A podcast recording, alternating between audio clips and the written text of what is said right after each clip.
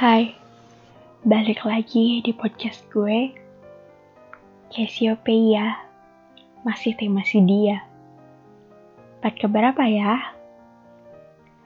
Setelah berjabat tangan tanda perkenalan hari itu, kami mulai saling follow di Instagram. Saling menyukai postingan dan berakhir bertukar pesan.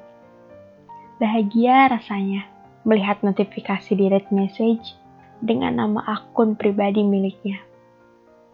Dia, Altair, menyambutku dengan hangat. Dia lontarkan kalimat canda yang membuatku terbang ke angkasa. Diiringi lagu garis terdepan milik Bisra Besari, rasanya aku menjadi puan paling bahagia malam ini.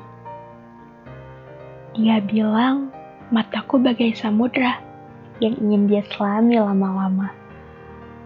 Dia juga bilang, senyumku bagai mentari yang siap menjadi penyemangatnya mengawali hari.